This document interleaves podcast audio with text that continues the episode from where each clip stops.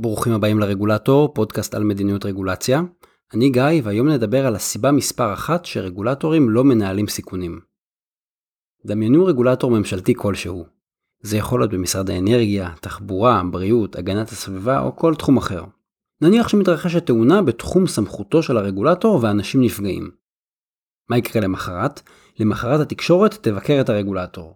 כנראה שייצא איזה טור דעה שיכנה אותו רשלן, או שהוא מפקיר את הציבור, גם השיח הציבורי הרחב והרשתות החברתיות יסערו, סביר להניח שהרגולטור יקבל זימון לדיון דחוף אצל השר או המנכ"ל של המשרד שלו, תעבור עליו תקופה מאוד לא נעימה. עכשיו דמיינו תסריט אחר. יש לנו רגולטור, והוא יוצר מסגרת כללים שלא מכבידה מדי.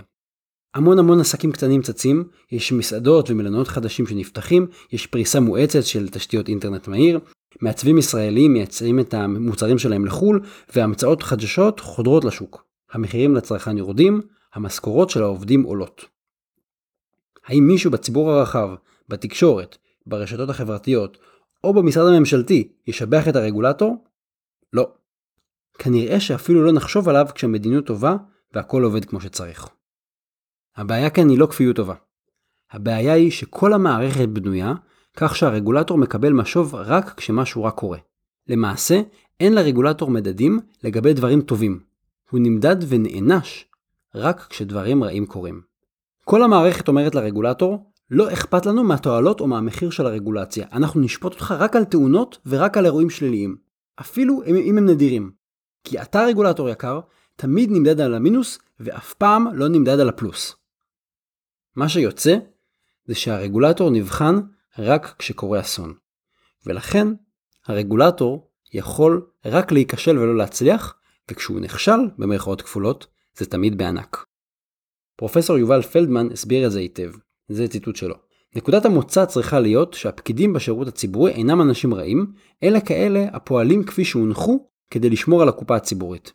הבעיה היא בהנחת הבסיס של מנגנונים בירוקרטיים, שלפיה, מבין שתי הטעויות הקלאסיות שניתן לעשות, עדיף למנוע הטבה מאדם, מאשר לתת הטבה למי שאינו זכאי לה.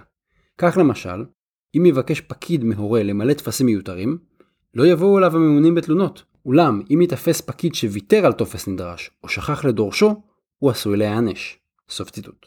אנחנו מצפים מהרגולטור למנוע תאונות, אבל לא מצפים ממנו להגיע לתוצאה האופטימלית. אם קרה אירוע רע וקטן, זה רע מאוד. אבל לא מעניין אותנו אם נוצרה תועלת ציבורית רבה, או אם הפחתנו עומס מהציבור.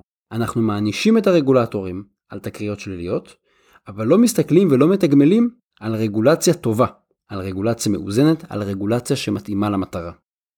מה שיש לנו כאן זו גישה חד צדדית שיוצרת שנאת סיכון. כל המערכת משדרת לרגולטורים להיות שונאי סיכון. גם אם זה אומר לייצר יותר רגולציה ממה שצריך, לייצר עומס רגולטורי באופן שיטתי. זאת לא קונספירציה, אבל זו גם לא תאונה. כל הזמן דוחפים את הרגולטורים לקחת פחות ופחות סיכונים, ורק להחמיר עוד ועוד. המסר שהרגולטור מקבל הוא עדיף שתקבע רגולציה מוגזמת, כי כשיקרה משהו, אנחנו תמיד נבוא אליך בטענות. וזה מעוות את כל המערכת. התופעה הזו קיימת בעוד תחומים, כמו רפואה מגננתית. זו תופעה שבה הרופאים מחליטים איך לטפל בחולה, אבל על בסיס חשש מתביעה עתידית. זאת אומרת, הם מקבלים החלטה טקטית כדי להגן על האחריות המשפטית של עצמם, ולא החלטה שמבוססת על טובת החולה. אבל בניגוד לרופאים או לבעלי מקצוע אחרים, החלטה קטנה של רגולטור משפיעה על עשרות אלפי אנשים. החלטה גדולה משפיעה על מיליונים. אז מה אמור להנחות את שיקול הדעת של הרגולטור? מכיוון שהרגולטור משרת ציבור, הוא צריך לשפר את מצבו של הציבור. זאת אומרת, לא להעדיף את האפשרות הכי מחמירה, אלא את האפשרות המדויקת. הוא אמור לאזן בין עלות לתועלת. או במילים אחרות, לנהל את הסיכון. אם אנחנו רוצים מדיניות בריאה, אנחנו צריכים לשנות גישה בעצמנו. אנחנו צריכים להפסיק לשפוט את הרגולטורים רק על תקריות ואסונות. בפרק הבא נדבר על פרשת רמדיה, ונראה איך היא השפיעה על האפקט הזה. תודה שהאזנתם לעוד פרק של הרגולטור, כדאי לעשות מנוי באפליקציות השונות, למשל פודקאסט אדיקט. אתם מוזמנים לעקוב אחריי גם בבלוג וגם בפייסבוק, בבלוג תוכלו למצוא לינקים למקורות ולעוד פוסטים בנושא. תודה לסוניק פורמאץ על עריכת הסאונד, התכנים משקפים את דעותיי בלבד.